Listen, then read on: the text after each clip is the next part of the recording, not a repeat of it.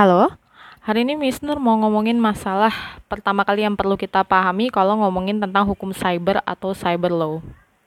E, literaturnya udah lumayan banyak di internet, bisa dicari, tapi ada yang perlu dipahami dulu terkait istilah penggunaannya.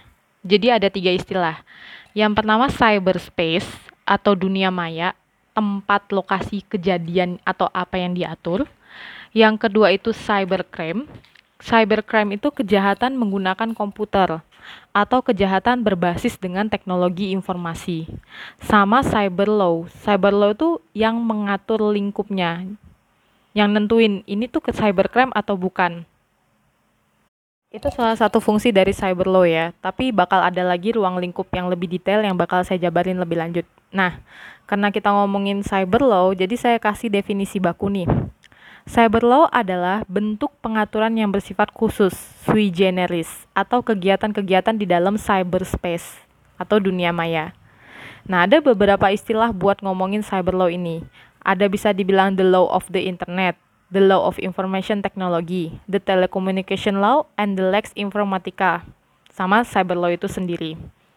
Oke, tadi kalau saya bilang cybercrime itu adalah kejahatannya, salah satu yang diatur di cyber law. Kenapa? Nah, ini kita sebenarnya balik ke pembidangan hukum. Jadi hukum itu kan ada yang publik sama ada yang privat. Publik itu dia mengatur dan memiliki dampak untuk keseluruhan masyarakat, sedangkan private itu dia hanya bersifat perseorangan. Nah, salah satu hukum publik itu pidana. Nah, pidana ini, nah cybercrime itu biasanya masuk di dalam sana. Tapi cyber eh, terkait dengan pengaturan di dunia internet itu juga ada hal-hal yang bersifat keperdataan. Oke, saya ngomongin cybercrime dulu. Singkat aja, jadi cybercrime itu kalau di negara-negara lain istilahnya juga bisa berbeda-beda penggunaannya. Di Singapura, jadi dia punya pengaturan namanya computer, the Computer Misuse Act.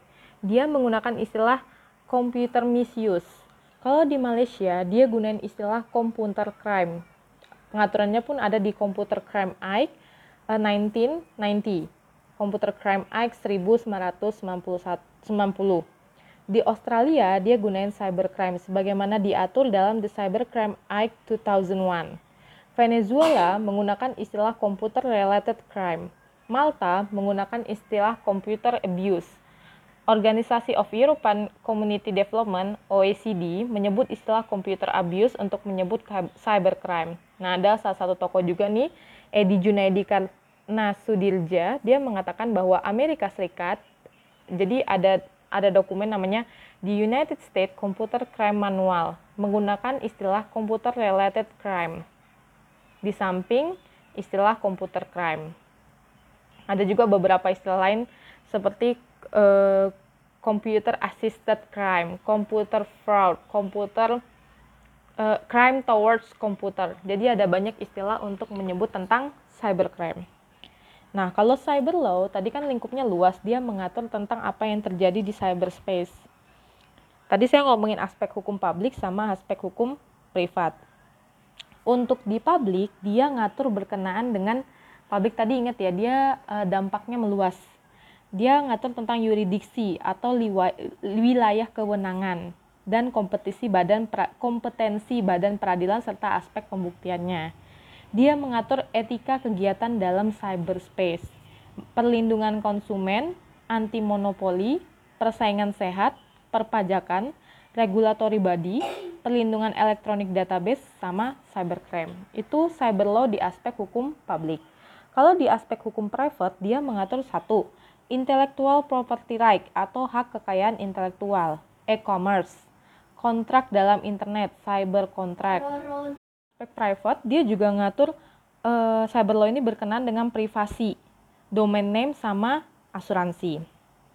Nah, eh, cakupannya ada tiga lingkup lapangan hukum kurang lebih ya. Ada hukum perdata, hukum administrasi, sama hukum pidana.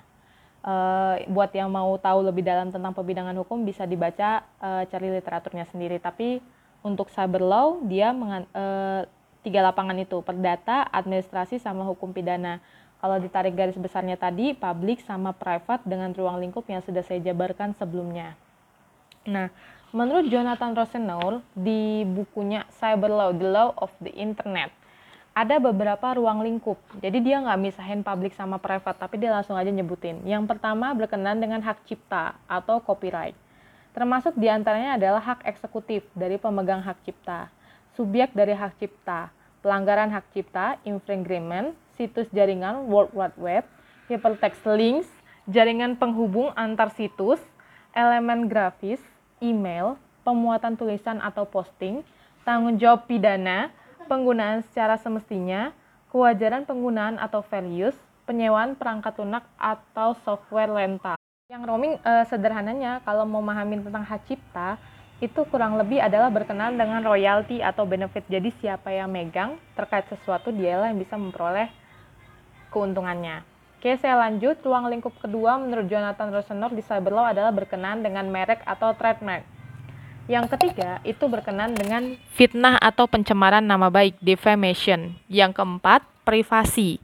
Termasuk di antaranya adalah rezim privasi dari common law, anonymity, keadaan anonim pada jaring internet, di mana privasi dikembangkan oleh kemajuan teknologi. Ruang lingkup yang kelima, menurut Jonathan Resenor di cyber law adalah duty of care. Termasuk di antaranya adalah negligence, tindakan yang dilakukan di luar kebiasaan tapi dibenarkan oleh hukum sebagai upaya perlindungan dari resiko kekerasan yang tidak perlu. Negligent misstatement, tindakan yang dilakukan pen pihak penyedia informasi di internet dengan memberikan informasi yang tidak akurat kerusakan teknis dari peralatan di mana disebabkan oleh ketidaksiapan untuk mengantisipasi kerusakan teknis tersebut dan menimbulkan tanggung jawab atas negligence, kerugian secara ekonomis yang tidak dapat tergantikan, tanggung jawab dari keterbatasan kontak.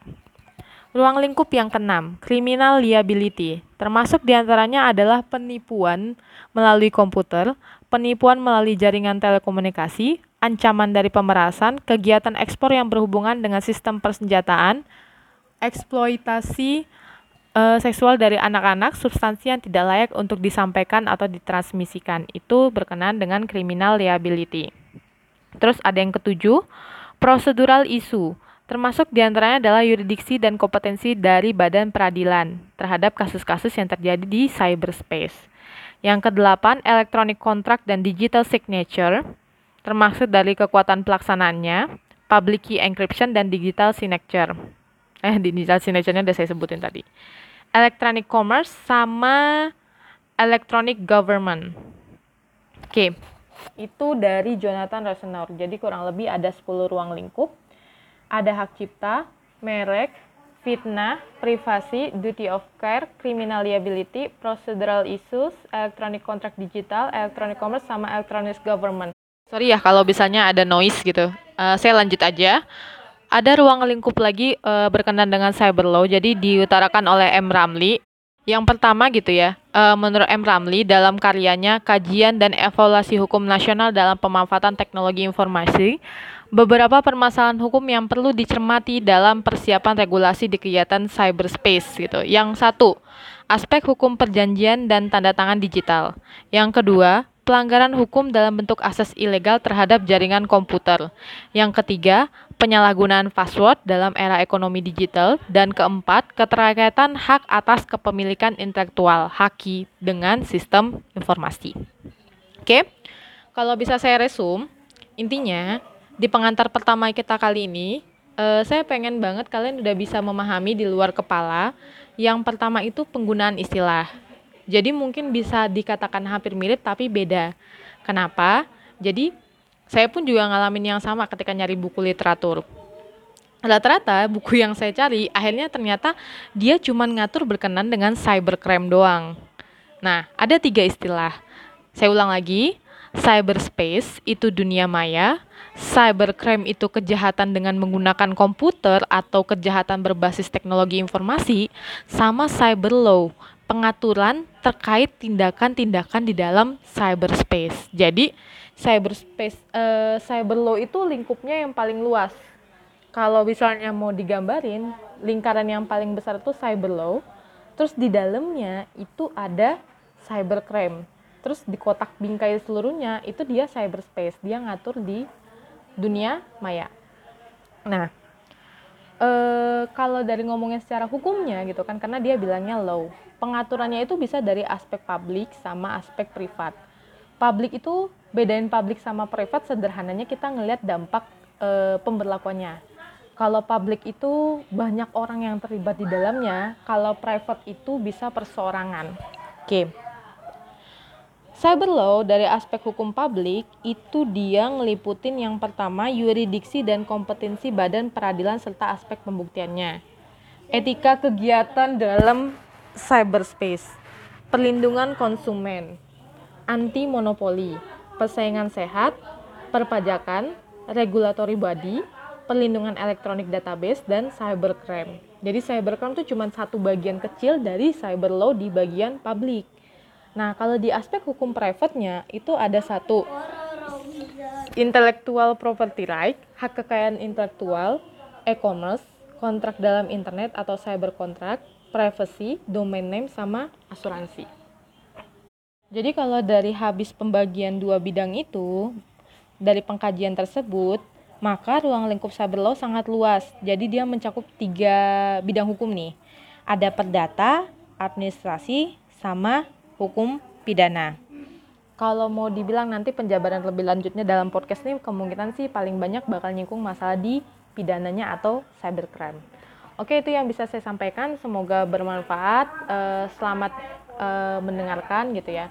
Semoga pembelajaran ini bisa menjadi gerbang utama kita buat lebih memahami lagi tentang hukum dan teknologi.